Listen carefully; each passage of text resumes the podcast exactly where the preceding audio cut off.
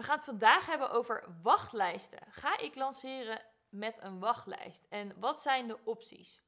Nou, wat is een wachtlijst? Nou, je bouwt van tevoren een e-maillijst op met namen van mensen die misschien overwegen om met jou te willen werken. Het is volledig vrijblijvend. Sommige mensen weten dan ook nog niet wat het kost om met jou te gaan werken. Dus die keuze moeten ze gaan maken op het moment dat ze zich kunnen gaan inschrijven. Hè? Zodat de deuren van jouw winkelwagentje open gaan. Als je kijkt naar de ondernemer, dan kan een wachtlijst handig zijn, omdat het een beetje aangeeft hoeveel mensen interesse hebben in jouw aanbod. Maar het is niet zo dat als 100 mensen zich hebben ingeschreven voor je wachtlijst, dat er dan ook 100 of 80 mensen zich inschrijven. Het gemiddelde ligt een beetje van een wachtlijst rond zo'n 40%. Maar goed, dat is iets wat je moet uittesten wat dat voor jouw branche ligt. Dus het betekent niet per se dat mensen zich dan ook gaan inschrijven. Het kan zijn dat het moment uh, voorbij is, dat het niet meer zo urgent is op het moment dat zij zich willen inschrijven. Of dat ze een andere prijs hadden verwacht. Of dat ze inmiddels een andere aanbieding hebben gekocht. Hè. Dat kan natuurlijk ook. Er zijn verschillende manieren waarop je met een wachtlijst kan werken. Je kan bijvoorbeeld een korting geven aan de mensen die op jouw uh, wachtlijst staan. Dat voordat je gaat lanceren, dus dat je een soort van pre-lancering hebt, waarbij je alleen maar lanceert naar je wachtlijst met die korting. Het voordeel van is, is dat als je dan echt je lancering ingaat, dat er dus al mensen zijn die ingestapt zijn. En dit kan je dan weer delen als social proof. Dus altijd natuurlijk fijn als je al wat mensen hebt die klanten zijn geworden als onderdeel van je wachtlijst een bepaalde soort bonus aanbieden.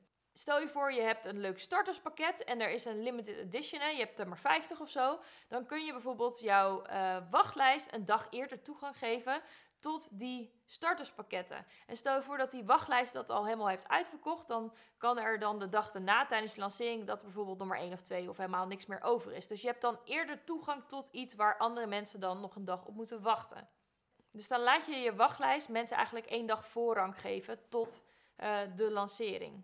Mocht je al een programma hebben, dan kun je natuurlijk vaak goed delen over um, het resultaat van je programma. Of dan kan je tussen neus en lippen eventjes noemen dat je een bepaald programma hebt. En dan kan je mensen eigenlijk laten inschrijven naar een wachtlijst. En wat je dan eventueel kan doen, is dat je als die wachtlijst groot is, dat je dan een, in een periode van bijvoorbeeld 72 uur mensen gelegenheid geeft om dan tussentijd, eigenlijk terwijl je programma eigenlijk dicht is, even speciaal voor deze mensen soms open te doen. dit kan je doen aan aanleiding van dat het je verjaardag is of dat uh, je iets te vieren hebt. Je kan altijd een soort van reden aanhangen waarom je nu eventjes 72 uur de deur open doet. En dat kan je eventueel alleen dan naar je wachtlijst doen, waardoor je niet een bepaald soort lancering hebt, maar alleen naar je wachtlijst. Dus dat is een manier om tussentijds eigenlijk nog eventjes toegang tot jouw programma te krijgen, terwijl dat voor anderen niet zo is. Maar aan de end of the line, de vraag is: gaan mensen nu eerder kopen of niet kopen? Of zouden ze zonder wachtlijst niet gekocht hebben? Dat is natuurlijk altijd lastig te zeggen. En dat moet je ook testen. Maar in Amerika heb ik meerdere mensen gesproken die echt onwijs grote lanceringen hebben en die um, de wachtlijst ook op verschillende manieren gebruiken. En het kan natuurlijk op verschillende manieren ook voordelen voor jou hebben hoor. Maar onder de streep lijkt het eigenlijk niet zo heel erg veel uit te maken. Als je mensen namelijk van tevoren een korting geven, zouden die mensen dan tijdens de niet-korting niet hebben gekocht? Dat is natuurlijk altijd de vraag. Nou, misschien heb je daar wel een soort van een klein stukje omzet, omzetderving van gekregen. Um, wat eigenlijk als ze in de normale lancering hadden meegelopen, je niet had gehad. Dus dat streept elkaar dan soms wel weer weg. De vraag is dus, zouden mensen dus zonder die wachtlijst niet hebben gekocht? Of zouden ze gewoon wel hebben gekocht?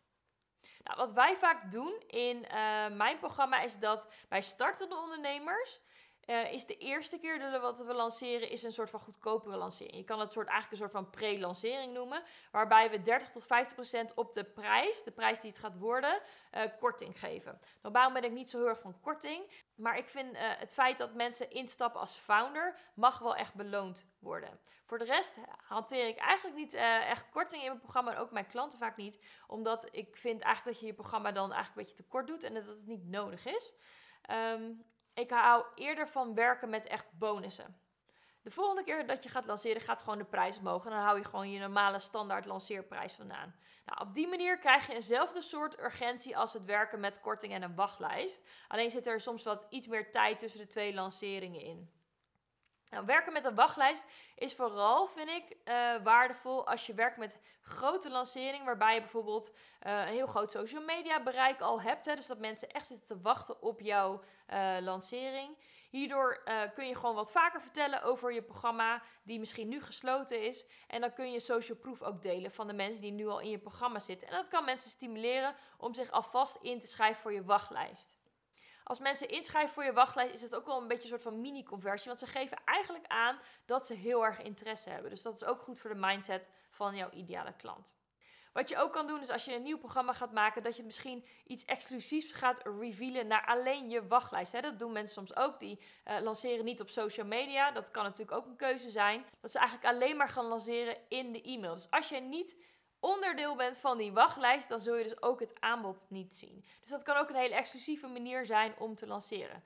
Nou, het mooie van het ondernemerschap is dat het echt alle kanten op kan gaan. Het is geen one-time fix for all of uh, wat bij de ene goed werkt, werkt bij de ander niet. Uh, bij de ene klant werk ik met een wachtlijst, bij de andere klant niet, omdat het niet zo heel erg veel voor hun zou doen. Uh, dus dat is echt heel erg individueel, gaan we dat bekijken. Vind je het interessant? Laat het even horen. Kan je natuurlijk altijd even in een DM naar me sturen op Instagram. En werk je met een wachtlijst en je vindt het wel of niet goed werken, vind ik het ook altijd heel erg leuk om eventjes te horen. Nou, dan wil ik je nog even op wijzen dat als je met mij samen wilt lanceren, dat ik dan natuurlijk graag met je in gesprek ga om te kijken of ik je kan helpen. Boek dan even je lanceerstrategiegesprekken in, dan maken we samen een plan voor jouw volgende lancering. Doeg!